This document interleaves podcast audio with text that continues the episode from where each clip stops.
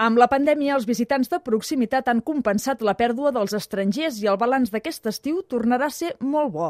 No obstant això, des de la Federació d'Hostaleria de Lleida reclamen visió de futur per anar més enllà un cop se superi la crisi de la Covid, una estratègia que passa per fer créixer el percentatge de turisme de fora uns 10 punts i situar-lo al voltant del 30%. Constaten que el Pirineu d'Osca, molt similar al d'aquí, atrau més visitants estrangers i una diferència, diuen, és que a l'Aragó tenen més bones comunicacions. Per això, el gerent de l'entitat, Ramon Solsona, veu el projecte dels Jocs Olímpics d'hivern com un motor de millora també en aquest aspecte. Pues necessitem l'accés ràpid a Pirineu. Les Olimpiades poden ser l'excusa perfecta que, perquè jo es faci, perquè és que, és que no podem no farà. La Federació d'Hostaleria de Lleida demanarà als nous responsables de turisme del govern ser més precisos en la promoció als mercats internacionals, sobretot l'holandès i el britànic, per captar més turistes vinculats al senderisme durant la primavera i la tardor. Hi ha molta tendència, per exemple, a caminar.